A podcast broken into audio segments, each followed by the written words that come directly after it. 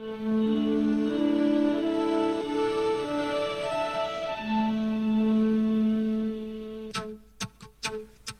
Güvenliği. Hazırlayan ve sunanlar Bahri Belen ve Aynur Tuncel.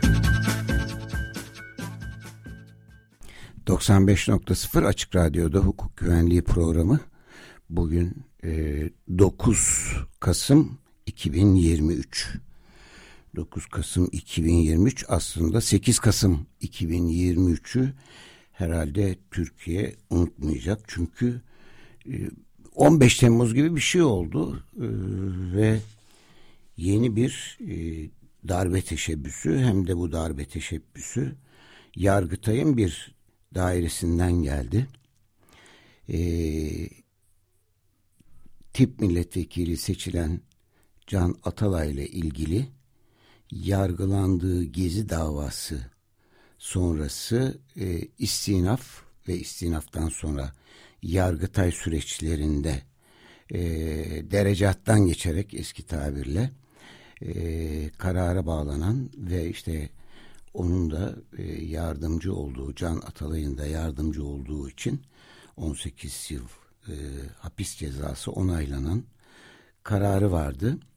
E, ancak e, kendisiyle ilgili Avrupa İnsan Hakları Sözleşmesi ve anayasal e, hak ve özgürlükler nedeniyle yapılmış Anayasa Mahkemesi'ne bir başvuru da vardı. Anayasa Mahkemesi nihayet hatta bir haftalık bir gecikmeyle e,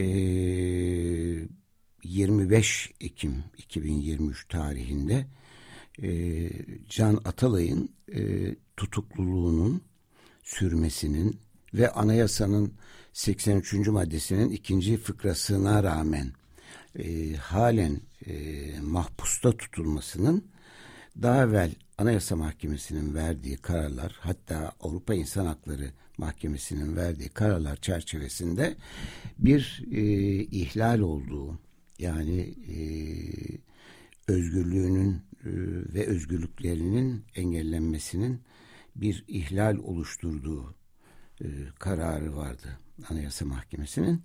Ve tabii ki e, biz e, hukuk fakültesi okumuşlar. İşte mesela stajyer, avukat stajı yapmış bizler. Ve sonra avukatlık yapmış işte birkaç e, yıl veya birkaç on yıl deneyimi olmuş avukatlar. E, hukuk fakültesi bitirmiş e, efendim e, hakimlik ve savcılık stajı yapmış bir takım e, meslektaşlarımız, hakimler ve savcılar.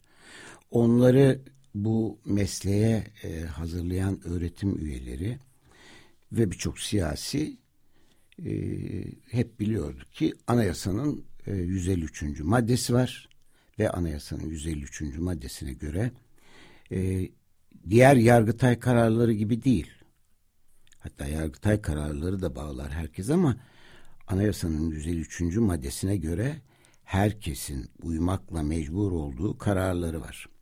Ve bu kararlar e, hem işte cumhuriyet rejimlerinde parlamentoyu hem yürütmeyi ki 2017 anayasasından sonra dahi başta Cumhurbaşkanı ve onun belirlediği bakanları e, yani yürütmeyi ve de yargının bütün kademelerini yani e, ceza mahkemelerini, ağır ceza mahkemelerini, sucukluk mahkemelerini İstanbul'da, Şırnak'ta, Antalya'da, Edirne'de, e, Artvin'de her yerdeki mahkemeleri ve nihayet Yargıtay'ı, Danıştay'ı ve hatta kendisini Anayasa Mahkemesi'nin kendisini de bağlayan karar e, verir. Ve bu anayasanın 153. maddesine göre bu karara herkes uymak zorundadır. Bunu stajyer avukatlar, avukatlar,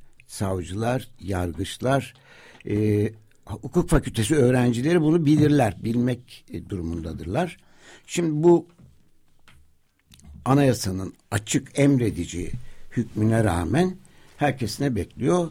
Yargıtay e, e, dahil olmak üzere ilk kararı veren e, Anayasa Mahkemesi bu kararını, ihlal kararını e, ilk kararı veren, geziyle ilgili kararı veren 13 Ağır Ceza Mahkemesi'ne, İstanbul 13 Ağır Ceza Mahkemesi'ne gönderdi. Dedi ki burada ihlal var.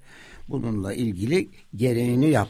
Yani aslında Anayasa Mahkemesi'nin norm denetimi dışında yani bir mahkeme bir kanunun veya kanun hükmünde kararnamenin anayasaya aykırılığı ile ilgili kendisine yapılan başvuruların dışında bireysel başvuru dediğimiz 2010'dan sonraki değişiklikle e, benim e, bireysel hak ve özgürlüklerim ihlal edildi diye başvuran kişilerin başvuruları ile ilgili karar verir. Bu kararlarda 153. maddeye göre herkesin uymak zorunda olduğu kararlardır ve işte 13. Ağır Ceza Mahkemesi de bu karara uyacak diye bekliyorduk. Ama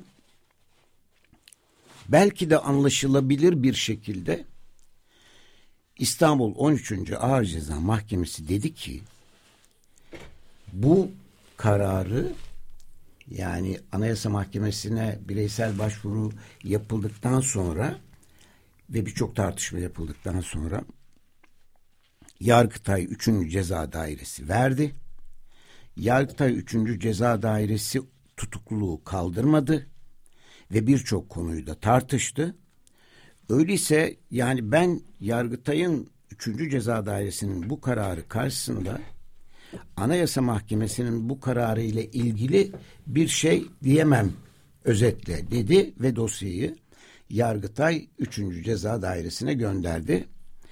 Bütün e, tutuklama ve benzeri tedbirlere ilişkin kararlar konusunda mahkemeler e, asıl kararların dışında bir ek karar verebilirler veya değişik iş kararı verebilirler. Ama bu değişik iş kararları özellikle tedbirlere ilişkin ise ve birçok kararda da öyle e, mutlaka savcılığın mütalası alınır. E, Yargıtay 3. Ceza Dairesi ya da 5. Ceza Dairesi ya da 1. Ceza Dairesi kendisine yapılan bu başvuruyla ilgili nereden, hangi savcılıktan mütalaa alacak? Yargıtay Cumhuriyet Başsavcılığından. Yargıtay 3. Ceza Dairesi'nin e, bu başvurusu üzerine e, Yargıtay Cumhuriyet Savcıları e, 3 Kasım 2023 tarihinde bir mütalaa bildirdi. Bu mütalaanın içeriğini ayrıntıyla konuşmaya çok gerek yok. Neden gerek yok onu birazdan tekrar konuşacağız. Ama bunu yani adeta e, Anayasa Mahkemesi'nin bu ihlal kararını 153. maddedeki açık anayasal hükmü e, görmezlikten gelerek e, bir mütalaa verdi. Yani bunun kararı Anayasa Mahkemesi'nin bu kararına uyulamaz, tutukluluk kaldırılamaz anlamında bir mütalaa bildirdi ve bunun üzerine de e, Yargıtay 3. Ceza Dairesi geçtiğimiz gün e, ne gün e, 8-11-2023 yani dün bir karar verdi. Dedik ki özetle e, bu Anayasa Mahkemesi'nin verdiği ihlal kararı dairemizin 28.9.2023 tarihinde şu esas sayılı kararı ile onanarak kesinleşen ve infazı kabil hükmün mevcudiyeti karşısında Anayasa Mahkemesi'nin anılan kararını uyulmamasına dedi. Buraya kadar da anlaşılabilir belki. Yani bana göre anlaşılmaz da yani anayasanın 153. maddesi çerçevesinde, anayasanın ikinci maddesi çerçevesinde, anayasanın 6. maddesi çerçevesinde, anayasanın 11. maddesi çerçevesinde, anayasanın 138. maddesi çerçevesinde anlaşılmaz ama Yine diyelim ki öyle. Ama sonra ilginç bir karar daha verdi. Sanıyorum e, Türkiye hukuk tarihinde hatta İstiklal Mahkemeleri döneminde 12 Mart, 27 Mayıs e, darbesi döneminde, 12 Mart e, muhtırası döneminde, 12 Eylül e, döneminde, 12 Eylül e, darbesi döneminde Kenan Evren ve arkadaşları tarafından e, bu dönemde e, dolayısıyla e, ve hatta 15 Temmuz'dan sonraki olağanüstü hal döneminde bile görülmeyen bir hüküm fıkrası daha var. Tabi bu karara uyulmamasına karar verdikten sonra dosyanın da anayasanın 84.2 maddesi yönünden e, meclise gönderilmesine ve gereğinin yapılmasına, Türkiye Büyük Millet Meclisi'ne gönderilmesine ve gereğinin yapılmasına ve tabi burada anayasanın 83. maddesini de yorumladı. Yani şey Yargıtay 3. Ceza Dairesi yani bunu yorumlama tekeli aslında Anayasa Mahkemesi'nde olmasına rağmen onu da yorumladı ve oraya meclise gönderdi. Arkasından işte hiç yani işte Türkiye Cumhuriyeti yargı tarihinde yeni ikinci yüzyıl, Cumhuriyet'in ikinci yüzyılının ilk günlerinde eşine rastlanmayacak belki inşallah da rastlanmasın bir hüküm fıkrası daha ilave etti. Dedi ki anayasa hükümlerini ihlal eden acaba kim ihlal ediyor? Ve kendisine verilen yetki sınırlarını yasal olmayacak şekilde aşacak, aşarak hak ihlalinin kabulü yönünde oy kullanan ilgili Anayasa Mahkemesi üyeleri hakkında gereğinin takdir ve ifası için Yargıtay Cumhuriyet Başsavcılığına suç duyurusunda bulunulmasına. Bunlar diyor suç işliyorlar. Şimdi acaba anayasanın ikinci maddesi, anayasanın altıncı maddesi, anayasanın on birinci maddesi, anayasanın yüz otuz sekizinci maddesi, anayasanın yüz elli üçüncü maddesine göre anayasayı ihlal teşebbüsünde bulunan ve suç işleyen kim? Bunu Türkiye'de hukuk devleti anayasal devlet var mıdır yok mudurun cevabını verecek sistem cevaplayacak. Ama mesela ben hemen burada e, e, tabii sevgili Ümit Altaş'a hiç fırsat vermeden e, AK Parti'den bir sürü tepkiler geldi ama e, işte Hüseyin Çelik'in e, bir açıklamasını okuyorum. Bunun bir kısmına katılırsınız, bir kısmına katılmayabilirsiniz ama üzerinde vurguladığı konu çok doğru. Diyor ki yıllar yılı başını vural savaş beğenenlerimiz var, beğenmeyenlerimiz var, eleştirdiklerimiz var. Sabih Kanadoğlu, Yekta Güngör Özden, Nuh Mete Yüksel ve benzerlerinin başını çektiği vesayetçi güçlerin güdümündeki Kemalist militan yargıdan çektik tam vesayetler kalktı derken bu sefer biz kendi militan yargımızı oluşturduk. Helal olsun bize. Hüseyin Çelik böyle diyor. Bu yargıya ve anlayışa sahip olunan ülkede bir de kalkmış Avrupa Birliği'nin eleştirilerine karşı efeleniyoruz. Aynada kendimizle yüzleşmek için vakit geldi, geçiyor bile. Cumhuriyetin 100. yılı değil de bin yılı olsa ne yazar? Cumhuriyet, cumhuriyet olmadıktan sonra yaşının ne önemi var? Unutmayalım ki Suriye, İran, Irak, Libya, Kuzey Kore, Çin, Rusya, Küba, Venezuela'da da Cumhuriyet ismi var. Bizde de var. İşte sadece Cumhuriyet olmak yetmiyor. Biz de geçen programda sadece Cumhuriyet olmanın yetmediğini, sadece demokrasi olmanın da yetmediğini, sadece laiklik olması yetmediğini ama gerçek anlamda bir cumhuriyet için insan haklarının güvencelendiği bir sistemin olması gerektiğini işaret etmiştik. Yine hemen bu konuda çok e, açıklama yapanlar var. İşte Marmara Üniversitesi'nden Tolga Şirin Hoca'nın, e, işte e, Barolar Birliği'nin, İzmir Barosu'nun, Adana Barosu'nun birçok açıklamaları var. Ama Yargıtay'a hiç toz kondurmayan eski Yargıtay 4. Ceza Dairesi Başkanı sonra da e, Yargıtay Başkanı olan ve sonra Yargıtay Onursal Başkanı olan Sami Selçuk bu konuyla ilgili yani Yargıtay 3. Ceza Dairesi'nin Gezi davası ve Gezi davası ile birlikte Can Atalay ile ilgili yapılan bireysel başvuru hakkında verdiği Anayasa Mahkemesi'nin kararı ve bu kararla ilgili e, hem Yargı, e, İstanbul 13 Ağır Ceza Mahkemesi'nin hem de Yargıtay 3. Ceza Dairesi'nin kararlarına ilişkin şöyle kısa bir tespit yapmış. Diyor ki Yargıtay Onursal Başkanı Sami Selçuk, Profesör Doktor Sami Selçuk 153. madde açık. Anayasa Mahkemesi kararına herkes uymak zorundadır. Anayasa Mahkemesi'nde Can Atalay için hak ihlali kararı alınması sonrası kararı veren üyelere Yargıtay'ın suç duyurusunda bulunmasına Yargıtay Onursal Başkanı Sami Selçuk tepki gösterdi diyerek verilen haberde Selçuk eski kurumunun kararını eleştirerek Anayasa Mahkemesi hak ihlalleri konusunda yetkili makamdır.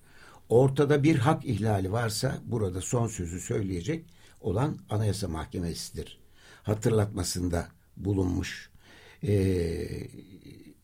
haberde Anayasa Mahkemesi'nin tip Hatay Milletvekili Can Atalay'ın tutukluluğuna ilişkin hak ihlali kararı veren yerel mahkeme e, tarafından Yargıtay'a gönderilmiş. Yargıtay'da Anayasa Mahkemesi'nin kararını anayasayı ihlal etmekle suçlanmış. Bu karar sonrası Yargıtay'ın Can Atalay'la alakalı kararı veren Anayasa Mahkemesi üyeleri hakkında suç duyurusunda bulunması gündeme bomba gibi düşmüştü. Konuya ilişkin evet bu haberin dayanağı gazete duvardan Can Bursalı'ya ait e, görüşlerini Can Bursalı ile paylaşmış ve e, Yargıtay'ın böyle bir karar verebileceğine ben inanamıyorum. Bu olamaz değerlendirmesinde bulunmuş ve Türk hukuk sisteminin Anglo-Sakson sisteminden farklı olduğuna ve aslında Türkiye'de yüksek mahkemenin olmadığını ifade eden Selçuk, Yargıtay'ın da Danıştay'ın da Anayasa Mahkemesi'nin de eşit olduğunun altını çizmiş. Selçuk Anayasa'nın 153. maddesine dikkat çekerek Anayasa Mahkemesi'nin kararına herkes uymak zorundadır ifadelerini kullanmış. Yargıtay 3. Ceza Dairesi'nin Can Atalay ile ilgili kararında Anayasa Mahkemesi'ne sınırlarını aştın demesinin de yanlış olduğunu ifade eden Selçuk, ihlaller konusunda yetkili makam Anayasa Mahkemesi'dir. Ortada bir hak ihlali varsa burada son sözü söyleyecek olan Anayasa Mahkemesi'dir diye konuştu e, diyor Can Bursalı haber, haberinde. Evet. E... Biz böyle nefeslerimizi tutmuş bir şekilde dinliyoruz. Özellikle teknik masada Berke arkadaşımızdı. Yani ne oldu bu kadar hani e, bu şeyin arka planı nedir, teknik detaylar nedir falan derken eminim e, açık radyo dinleyicileri de bu şekilde yani ne oluyor diye anlamaya çalışıyoruz ama geçen haftadan e, kalarak aslında sormak istiyoruz. E, Berke ile beraber Açık Radyo dinleyicileri de hepimiz nefeslerimizi tutuyoruz. Bir nefes alıp ondan sonra soruyoruz. Geçen haftanın hashtaginden şaşırdınız mı? E, şaşırdım yine. ben şaşırdım. E, ve şimdi yine bu sorunuzdan sonra peki... E, Hiç madem, şaşırmadım. E, evet şaşırmadınız mı? Ay, şaşırmadım. Aynur Hanım geldiniz mi? Yani ben başından beri buradayım. evet Aynur Hanım çünkü e, çok meşguldü. Bugün belki e, katılamayabilirim demişti. Tekrar hoş geldiniz Aynur Hanım. Şimdi yani size de sorayım ama e, geçen haftanın cevap, hashtag'i oydu. Evet, cev- Aynur Hanım yok ya yani bu şaşırma meselesi ama bunu Aynur Hanım da şaşırmamış. Şaşırdım diyor. Ha şaşırmadım diyor. Evet siz şaşırdım diyorsunuz. Şaşırmadım diyor. Ne şaşırayım kaç defa ilk kez gelmedim. Şimdi, şimdi... Yani uysalar da şaşardım. Tersi olsa şaşardım ama e, tahmin ettiğimiz gibi olduğu için şaşıramadım. Çünkü çok planlı, açık, giderek yükseltilen bir karşı anayasacılık hareketi var.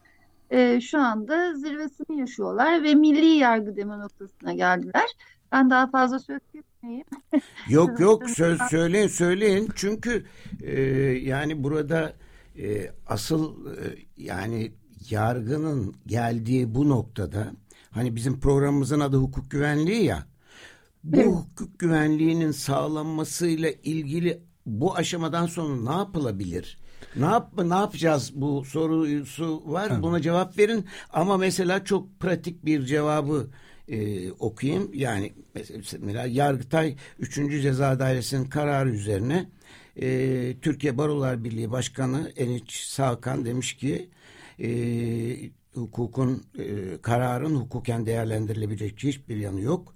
Birliğimiz tarafından anayasayı yok sayan ilgili daire üyeleri bakımından yani onlar gibi savcılığa suç duyurusu değil görevden el çektirmeye davet yaptırımının uygulanması için Yargıtay Yüksek Disiplin Kurulu'na yine ya bu işin çözümü yargıda olmalıdır diyerek e, yarın itibariyle gerekli başvuru yapılacaktır denmiş ve hatta bugün e, Barolar Birliği'nin Numan Kurtuluş'la yani Meclis Başkanı Numan Kurtuluş'la da görüştüğüne ve bir HSK ve, ziyareti ve var. akşam üzeri HSK belki bizim programımız bittikten sonra HSK ile görüşmeden sonra bir basın açıklaması yapılacağı e, haberleri var. Bunları belki biz programımız bitinceye kadar duyamayacağız. Programdan sonra belki öğreneceğiz. Yani hakikaten bu yine yargıdaki bu problemi yani herhalde biz birileri gibi Cumhurbaşkanı bu yargıçları elden işten el çektirsin demeyeceğiz. Çünkü biz buna da karşıyız. Ama yargı kendi içinde bu sorunu çözmeli.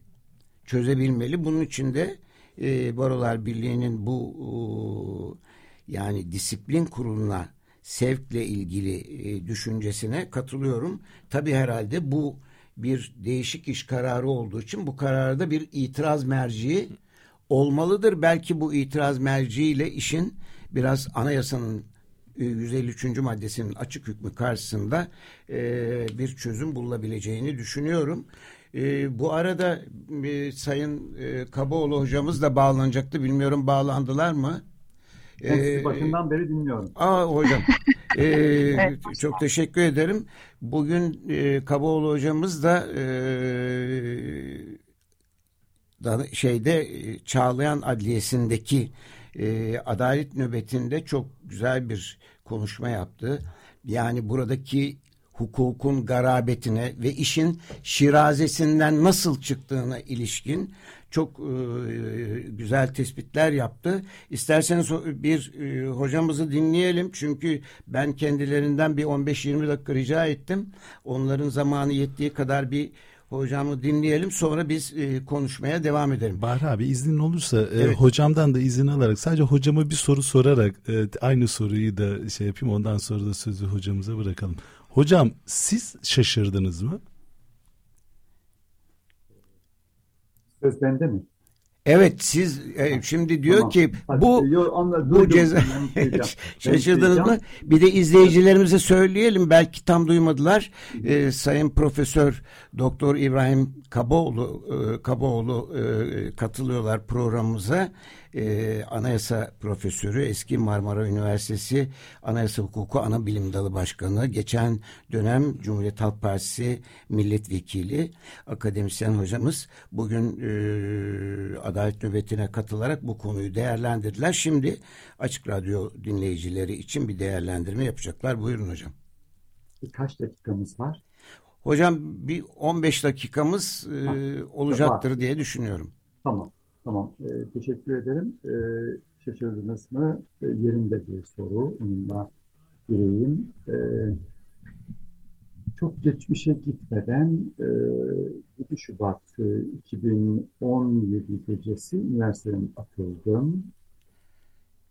10, e, 12 Eylül 1980 sabahı kız kardeşim e, henüz uykudayken e, uyandırdı beni daha oldu diye.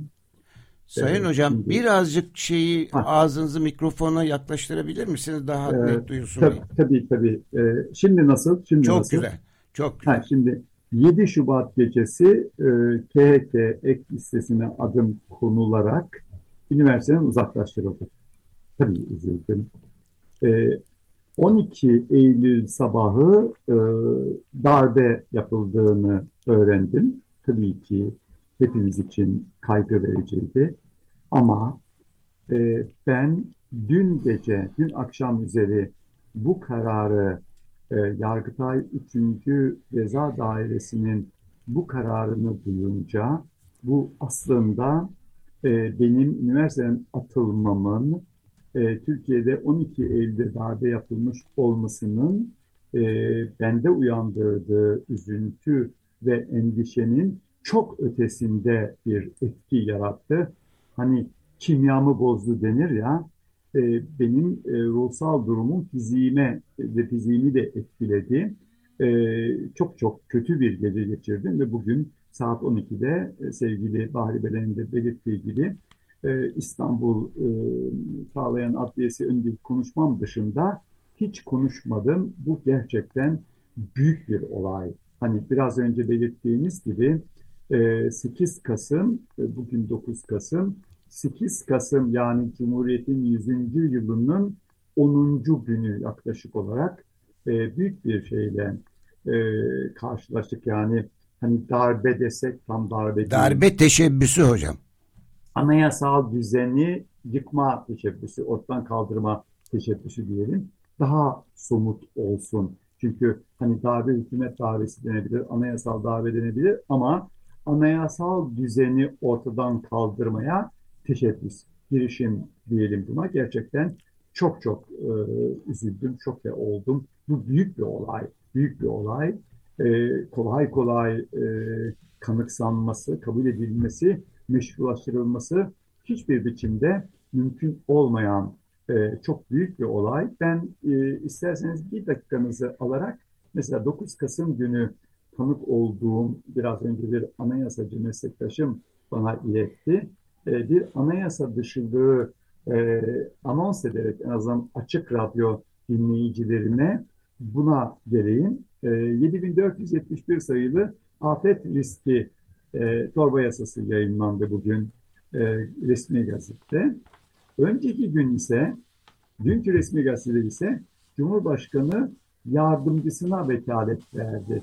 8-9 e, Kasım günlerinde diye. Şimdi bu yasa e, Cumhurbaşkanı'nın imzasını taşımıyor mu? Cumhurbaşkanı'nın imzasını taşıması da mümkün değil. Zaten yurt dışında. Peki o zaman Cumhurbaşkanı'nın imzasını taşımayan bir kanun nasıl yayınlanır? Bu Anayasa Mahkemesi önünde yokluk halidir.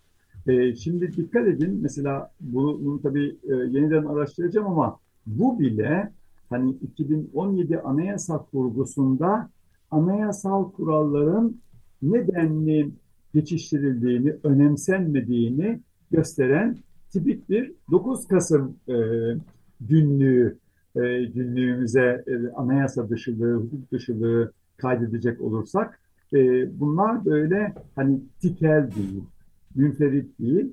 E, hepsini topladığımız zaman biraz önce belirttiğimiz üzere 5 yıllık e, meclis deneyiminde bu 2017 kurgusunu getirenlerin bile kendi kurgularını her günkü uygulamada nasıl ihlal ettiklerini ve bir anayasa dışı alan, fiili bir alan e, nasıl yarattıklarını e, gördük, gözlemledik.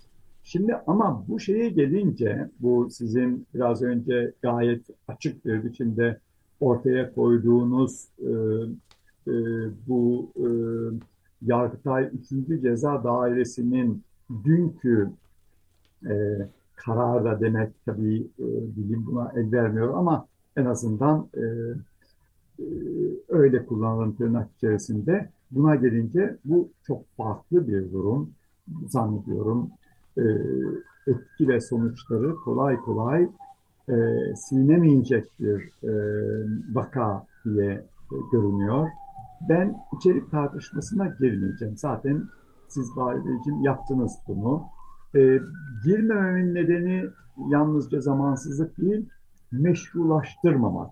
Yani sanki bu tartışma götürüyormuş bir e, hava izlenim e, yaratmaktan kaçınmaya çalışıyorum. Çünkü bizatihi böyle bir e, kararın e, yazılmış olması e, ve bunun e, bizim tarafımızdan tartışılması, tartışmaya açılması e, sanki tartışılabilirmiş, meşruluk e, e, zeminine çekilmesi mümkünmüş gibi bir e, izlenim e, yaratıyor. O izlenimi vermeyelim diyorum. Ben vermemeye özen göstereceğim. Çünkü burada e, az öncesinde de değindiğiniz maddeler, anayasanın açık maddeleri, bilindiği gibi anayasanın hani emredici maddeleri var. Yüze, büyük son bunun e, tipik örneği ya da yasaklayıcı maddeleri var. 6, madde 6 egemenlikle ilgili son cümlesi. E, kimse e, kaynağını anayasadan almayan bir devlet yetkisi kullanamaz diyor. Şimdi bu yasaklayıcı. 153 son ise emredici. Anayasanın tartışmaya açık maddeleri de, yoruma açık maddeleri de kuşkusuz var. Ama şimdi bizim e, konumuzu ilgilendiren hususlarda yoruma elverişli madde sayısı son derece de az. Söyleyeceğim. Ee, mesela biraz önce e, Bahri Beyciğim siz dediniz ki e, yorum yetkisi Anayasa Mahkemesi'ne ait. Bu doğru. Fakat kuşkusuz e, adli yargıya da ait anayasa bir yorum yetkisi. İdari yargıya da ait. Şöyle ki hani 138'e göre e, mahkemeler e, anayasaya, hukuka ve yasaya göre karar verirler dediğine göre anayasayı da yorumlayabilir, yasayı da yorumlayabilir. Fakat buradaki e, olayda e, bu süreçler geçilmiş ve Anayasa Mahkemesi zaten e, iki hafta önce verdiği kararda yani 27 Ekim'de resmi gazetede yayınlanan kararda açıkça söylüyor. Bu diyor sen de yorumlarsın diyor bunu. Mahkemeler de her yargıç yorumlar anayasayı diyor.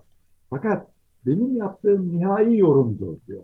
Bu tabii ki hani e, doğru bir tespit çünkü evet her yargıç yapar yapmalı anayasayı doğrudan uygulamak için ama son sözü, son resmi yorum yetkisine sahip olan Anayasa Mahkemesi söylüyor. E bunun da zaten bu önümüzdeki e, dosya bağlamında e, anlaşılır bir durumdur, olağandır. Çünkü hani bütün başvuru tüketil, yolları tüketildikten sonra Anayasa Mahkemesi'ne e, şikayet yoluyla ya da bireysel başvuru yoluyla intikal ettirilmesi dosyanın e, o konuda e, en e, üst merci, en son sözü söyleyecek merci olmasından kaynaklanıyor. Bu bakımdan bu ayrım önem taşıyor. Anayasa Mahkemesi vermiş olduğu kararda bir ayrım daha yapıyor. O da önemli. Onu belirttikten sonra maddelere geçmek istiyorum. O da şu. E, bireysel başvuru üzerine verilen ilan kararlarının iki işlevi var diyor. Bir, öznel yani subjektif işlevi. İki, nesnel yani objektif işlevi diyor. Şimdi subjektif öznel işlevi muhatabı olan makama makamın yükümlülüğünü ortaya koyar diyor. Ee, işte burada ilgili daire e, ama objektif bir işlevi var diyor. O da hani benim verdiğim karar bireysel başvuru üzerine e, benzer konularda bu yasama ise yasama, yürütme ise yürütme, yargı ise yargı bu kararın gereklerini dikkat yapılarak benzer e, durumların ortaya çıkmasını önlemektir. Zaten bireysel başvurunun anlamı bu. Şimdi bu açıdan bakıldığı zaman mesela eski kararlarına sıkça yollama yapıyor ki orada da iki büyük karar var. İnisperberoğlu ve e, Ömer Faruk Gergerlioğlu kararı. Şimdi bu açılardan bakıldığı zaman e, tabii benim anayasa gözüyle anayasa mahkemesi kararı aslında vermiş olduğu kararlar içerisinde son derece iyi işlenmiş bir karar. E, bu açıdan e, hani denebilir ki bu senin yaptığın öznel bir değerlendirmedir. Olabilir. Yargıtay diyebilir ki yok benim gözümde kötü bir karardır. İbrahim Kabul gözünde iyi bir karar olsa da e, Yargıtay gözünde olabilir. Onu da söyleyebilir. Nasıl ki ben hani dünkü karar, sansür kararı Anayasa Mahkemesi'nin çoğunluk oyuyla verilen karar 8 oyla verilen karar 8 e, red oyuyla e, kötü bir karardır diyorsam o da diyebilir. Fakat burada bu tartışmaya girmenin bir şeyi yok. Çünkü e, 150 son açık verir diyor, bağlar diyor. Artık bunu tartışmayacaksınız. Bir de eğer mutlaka içerikle ilgili bir e, bağlantı kuracak olursak iki hükmü daha zikretmek istiyorum. 14. madde. 14. maddenin son fıkrası kanunla düzenlenir diyor. Şimdi kanunla düzenlenir dediğine göre bu yoruma elverişli değil. Yani kanun düzenlemiyorsa madem ki düzenlememiş ben bu konuda e, bir e, iştihat geliştiririm diyemezsiniz. Çünkü o yetki yasama, yürütme, yargı çerçevesinde kanuna vermiş. Kanun açıkça, ka kanun yasama biz devredilemez kuralına göre yasa düzenler. Münhasır yetki bu. Yani yalnızca yasama organının kullanabileceği bir yetki. Şimdi e, Yargıtay ise şu iki hatayı yapıyor. Bir, kanunla düzenlenir yerine kendisini koyuyor. Yani madem ki kanun koyucu bu düzenlemeyi yapmamış diyor, o zaman onun yerine kendimi koyarım ve nasıl olması gerektiğini belirtirim diyor. Ee, birinci hata bu. İkinci hata ceza hukukunun temel ilkesi olan ve anayasamızda da yer alan kanunsuz suç ve ceza olmaz ilkesini ihlal ediyor. Ha, üçüncüsünü diyebilirsiniz ki bunu hangi anlamda yapıyor? Ee, bunu mağdur aleyhine yapıyor, özgürlük aleyhine yapıyor, seçmesi ve seçilme hakkını ihlal adına yapıyor. İşte Can Atalay'ın özgürlüğünün e, sürekli ihlal edilmesi e, yönünde yapıyor falan. Ama hani e, tartışılamaz olan bu mesela kanunla düzenlenir. Orada e, durmamız gerekiyor. Ha şimdi Yargıtay'ın bir başka yanılgısı ise mesela 84. maddede ortaya konulan e, şu hüküm diyor ki e, 84'te 84 milletvekilliğinin kesin hükme hüküm giyme veya kısıtlanma halinde düşmesi bu husustaki kesin mahkeme kararının genel kurulda kurula bildirilmesiyle olur. Şimdi buradaki kesin hüküm giyme e, demesi, kısıtlama hali demesi aslında 1982'de yazılan bir hüküm. Ama tam tamına e, 28 yıl sonra, geliş bakımından 30 yıl sonra e, bireysel başvuru hakkının tanınmasıyla artık kesin hüküm Yargıtay'ın vereceği kararla değil, Anayasa Mahkemesi'nin vereceği kararla oluyor. Nitekim hani bu verilen karar şöyle olsaydı idam cezasının var olduğunu düşündüm. E, ve Yargıtay Anayasa Mahkemesi'ni beklemedi. E, idamına karar verdi. Mecliste onayladı bunu. Peki o zaman Anayasa Mahkemesi ihlal, ihlal saptayınca siz geri mi getireceksiniz ilan ettiğiniz kişileri? Şimdi burada tipik tamponumuza geldik. Mecliste bağırdık. Sesimiz çıkıncaya kadar Enis Beyoğlu ve e, Gergeroğlu kararında. Çünkü bu e, 84 2'yi kullandı meclis başkanı. Bekletme yerine Anayasa Mahkemesi'nin önünde e, şey, görülmekte olan bir davaydı.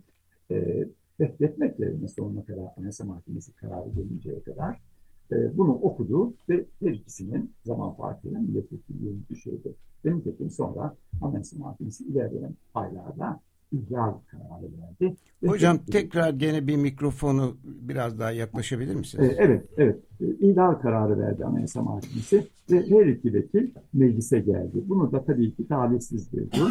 Türkiye Büyük Millet Meclisi bunları ilk kez yaşamış oldu. Şimdi burada ise aslında e, Anayasa Mahkemesi karar verdi. Yani hani Anayasa Mahkemesi karar vermesine zaman verecek vesaire tartışma bir biçimde yapılabilir.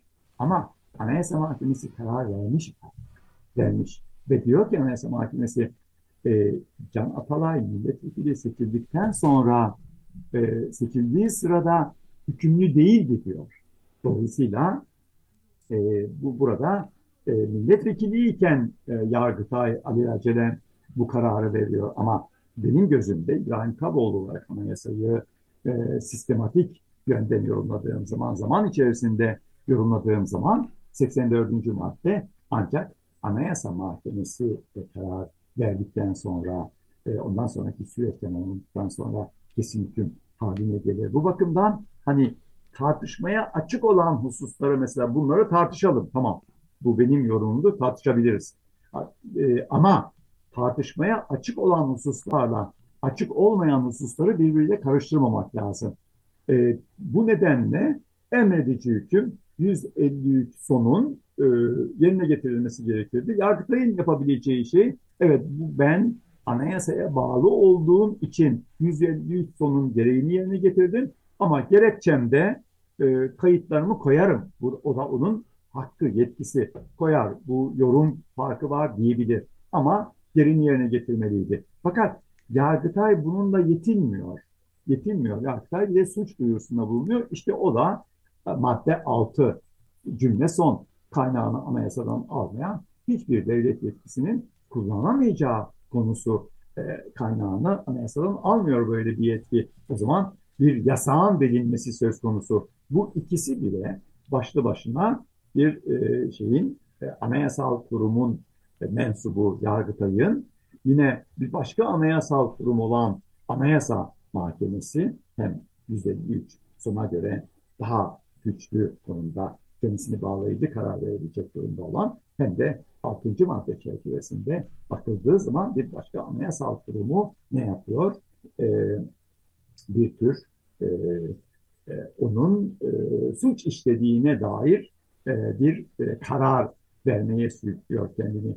İşte bu açıdan bakıldığı zaman e, özetle e, böyle bir kararın e, çıkmış olması e, aslında e, hani anayasa devlet ile doğar, devlet ile yaşar biçimindeki anayasa hukuku literatüründe geçerli olan bu söz bizim için son derece tam tamına uyuyor Türkiye Cumhuriyeti'nin e, kuruluşuna. Çünkü Türkiye Cumhuriyeti 1924 Anayasası, 1921 Anayasası çerçevesinde kuruldu ve anayasa, e, anayasa süreklilik ilkesi askeri darbelerde bile geçerli oldu. Çünkü anayasa kalktığı zaman hemen e, geçiş dönemi kanunu koydular. Yeni bir anayasaya e, gidinceye kadar dendi. Ama şimdi burada var olan anayasaya karşı bir anayasal kurumun e, baş ona karşı bir girişimde bulunması söz konusu. Bu bakımdan tabii az önce değindiğiniz gibi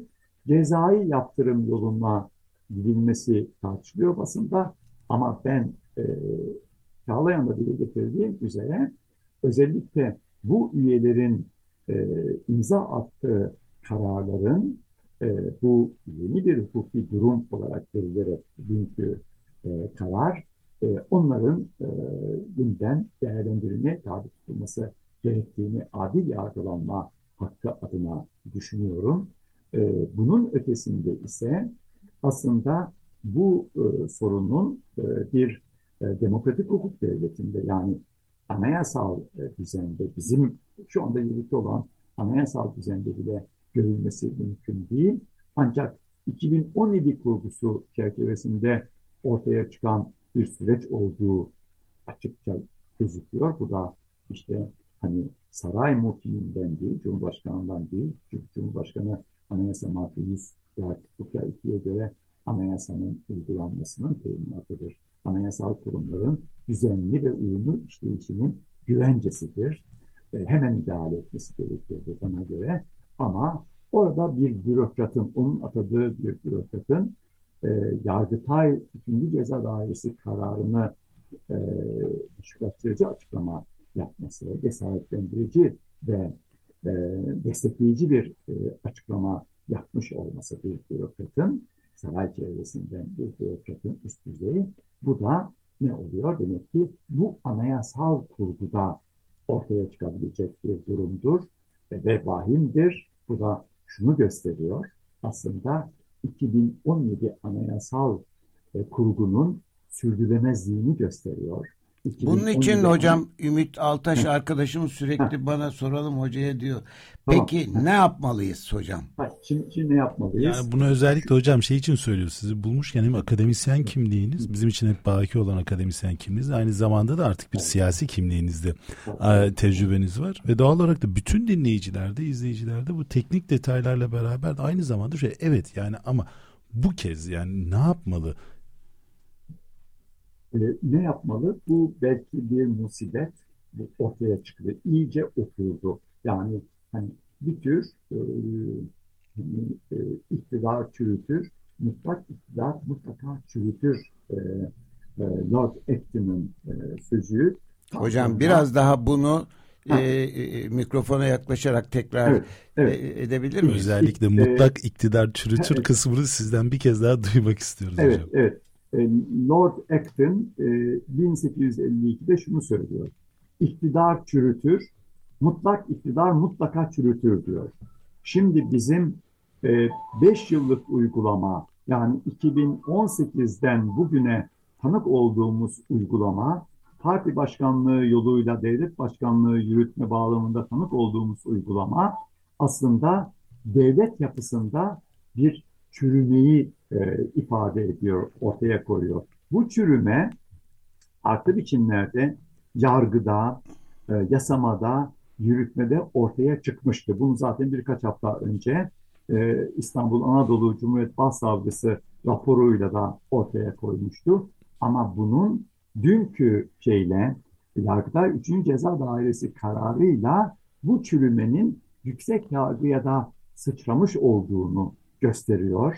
E, ve e, bu durumda e, 2017 Anayasal Kurgu'nun bile, Anayasal Kurgusu'nun bile işlemesi artık sürdürülebilir olması artık mümkün gözükmüyor. O nedenle biz bu karara karşı, bu diğer karara karşı ne yapılması gerekir tartışmasını yaparken bir kısmını biraz önce Bahri Bey ortaya koydu.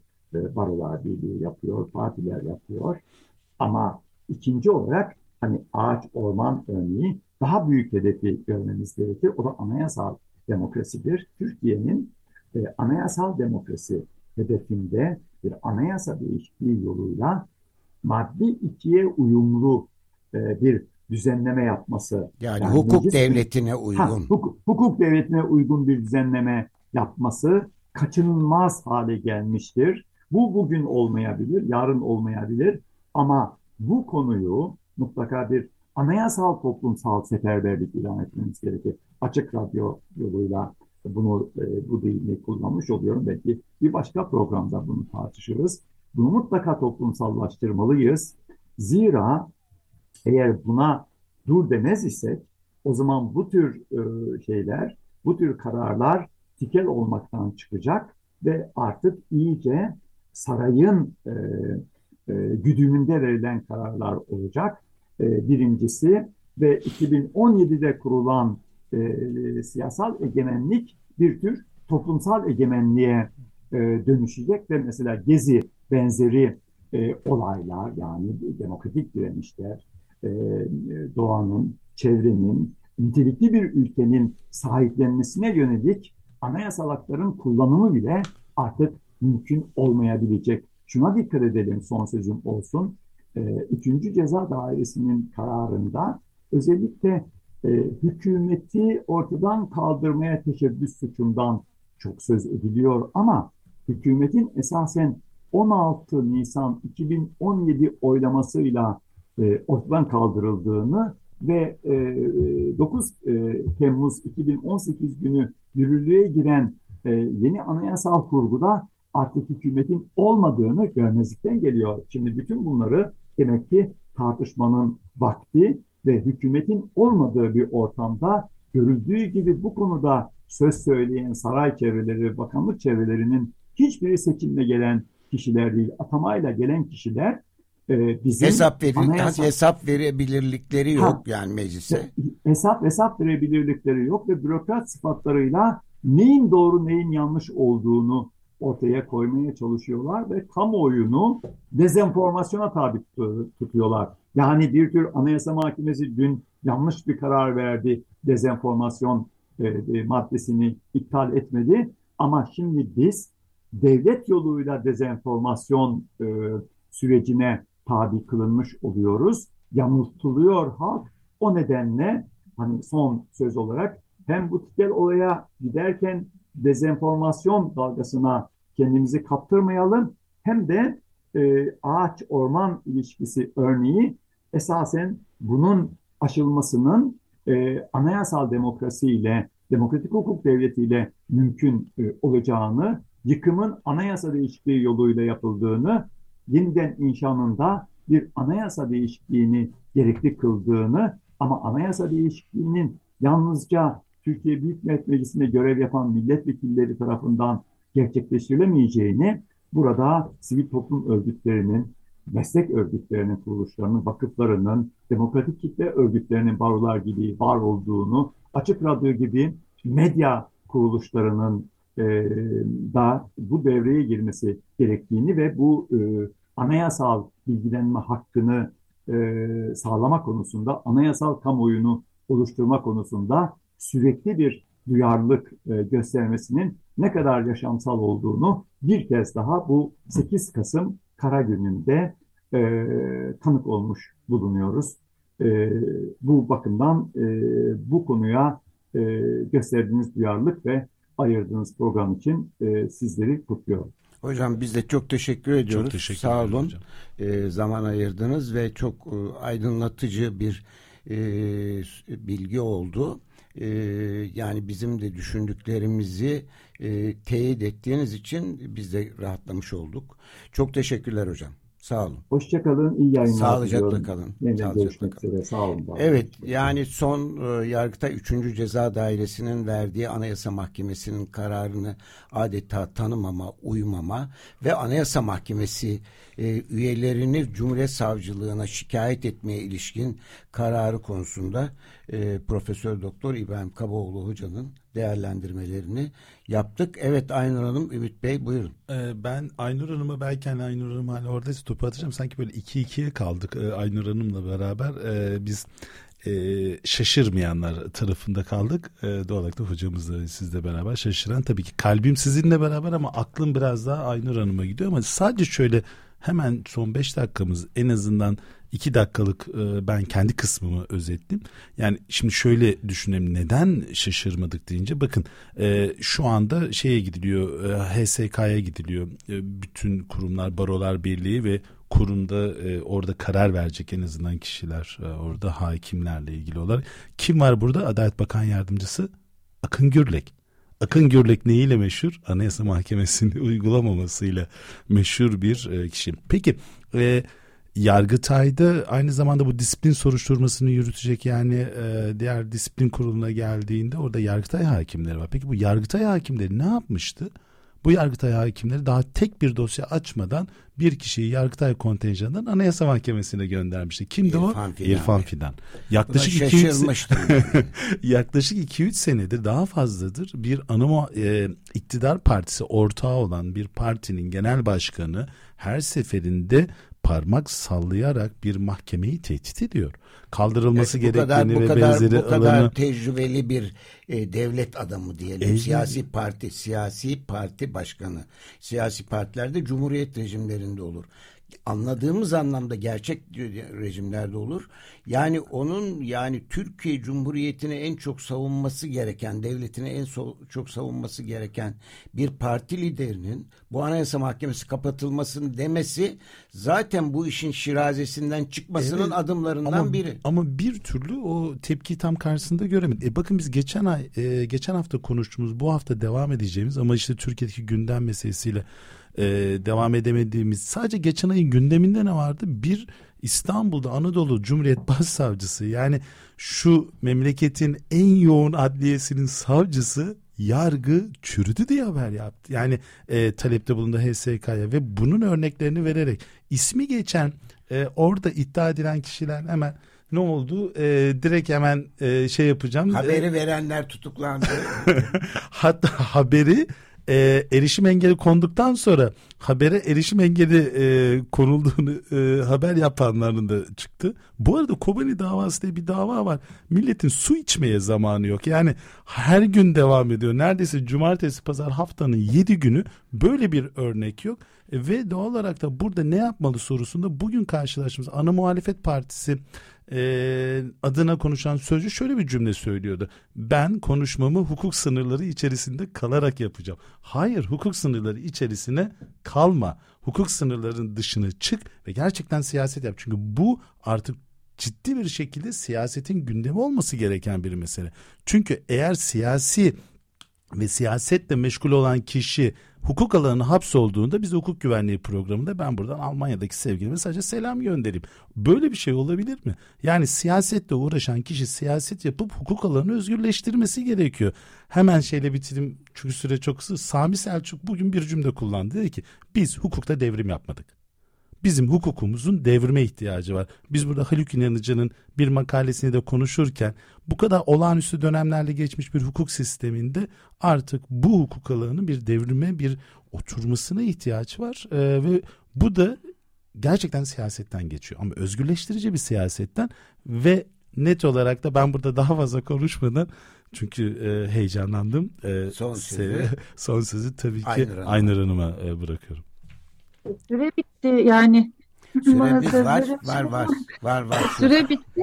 Bitmedi. Yani ben niye şaşırmadım? E, birincisi olağanüstü hal döneminden sonra e, Anayasa Mahkemesi'nin verdiği ihlal kararına 13. Ağır Ceza Mahkemesi ilk kez benim vekilim için biliyorsunuz direndi. E, 11 Ocak 2018'de ve Şahin Bey çok sevinmişti Anayasa Mahkemesi kararının ihlal karar ihlal tespiti yapmasından dolayı. Ve e, ben gittiğimde kendisini zaten seviniyordu. Yatağını yorgunluğunu toplayıp başkalarına vermişti. Hocam durun dedim. Direnilecek e, siyasi hava belli ve nitekim öyle oldu. E, biz bir daha bireysel başvuruda bulunduk ve 15 Mart'ta e, Anayasa Mahkemesi bir kez daha ihlal kararı verdi ve 5 gün sonra 20 Mart'ta da İnsan Hakları Mahkemesi Beşinci maddeden yani kişi özgürlüğü ve güvenliği hakkından dolayı Türkiye Cumhuriyeti'ni e, mahkum etti, ihlal kararı verdi ve şunu söyledi. Siz e, anayasal e, anayasası olan bir devletsiniz ve anayasanıza göre en son kararı yani anayasa yorumlama yetkisi nasıl en son anayasa mahkemesindeyse anayasa mahkemesinin verdiği bireysel başvuru yolundaki ihlal kararı da kesindir ve anayasa 153'e e, göre herkesi ve yargı makamlarını da tutukluluğun devamına tutuklama kararı veren e, ağır ceza mahkemelerine de ilişkindir ve onları da bağlar. Dolayısıyla senin ülkende sadece bu nedenle bile e, ihlal kararı vermeyi gerektiren bir durum var dedi ve e, işin içine girmedi. E, sadece mahkemelerin Anayasa Mahkemesi'nin ihlal kararına direnmelerini gerekçe göstererek Türkiye'yi kişi özgürlüğü ve güvenliği hakkından dolayı mahkum etti. Ve ona rağmen e, bizim vekilimizi yine tahliye etmediler. Adli kontrol uyguladılar hakkında. E, adli kontrol ancak tutuklama koşulu varken uygulanan bir maddeydi. Buna rağmen öyle yaptılar ve biz onun için de başvurduk, onun için de ihlal aldık, karar aldık. Ve beni üzen şey şu, zaten e, üç tane Anayasa Mahkemesi kararı ve bir tane İnsan Hakları Mahkemesi kararına rağmen Yargıtay bozma kararı verirken e, mahkumiyet kararı hakkında Şahin Alpay'ın şunu söylediler. Ya burada örgüt üyeliği yok ama belki örgüte yardım vardır dediler. Yine işin esasına girerek değerlendirme yaptılar. Halbuki aynı e, Yargıtay 16. Ceza Dairesi Mehmet Altan ve Kadri Gürsel hakkında Şahin Alpay kararına dayalı olarak beraat kararı vermişti ve şunu demişti. Anayasa 153'e göre Anayasa Mahkemesi'nin verdiği kararlar bağlayıcıdır. Yine İnsan Hakları Avrupa Sözleşmesi'nin tarafıyız ve İnsan Hakları Mahkemesi'nin Ama o kararı veren 16. Ceza Dairesi'ydi. Bu 3. Ceza Dairesi. İşte, Burada bu, bura, bu sonradan numarasının böyle. değil heyetinin değişmesi önemli. Bu evet, numarası evet, değişebilir. Evet, evet. Yani heyet değişti. Heyete müdahale yapıldı. Yani yürütme yargıya müdahale yaptı. Evet, evet, Dolayısıyla maalesef. bu yeni bir şey değil. Karar yani şaşırma yaşamın nedeni 11 e, Ocak 2018'den beri sistematik olarak bir anayasaya karşı durma hareketi var, yükseliyor ve Mehmet Uç'un da zaten e, cesur bir hareket, yolu yol, yordamı tartışılabilir ama bir birikimin sonucu ve reaksiyon dedi ve şunu söyledi. Anayasa 14'ün belirsiz olup olmadığını değerlendirme yetkisi ceza mahkemelerine aittir. Anayasa Mahkemesi'ne ait değildir dedi. Yani böyle bir şey İnanılmaz, inanılamaz. İnanılmaz. Ben şunu söylüyorum. O ceza kanun, ama, maddi ceza hukuku sanıyor o. Süremiz bitti ama son sözünüzü. Ama şunu, şunu, şunu söyleyeceğim yani e, bence e, belli siyasi gücü elinde e, biriktirenlerin kendi kafalarında yazdıkları ama henüz e, topluma tam olarak sunamadıkları, henüz referanduma sunamadıkları bir anayasa var. Fiilen onu uyguluyorlar. Söyleyeceğim evet. tek şey bu. Evet, hukuklu, adaletli ve hukuk güvenlikli günler dileğiyle herkese hoşçakalın. Hoşçakalın.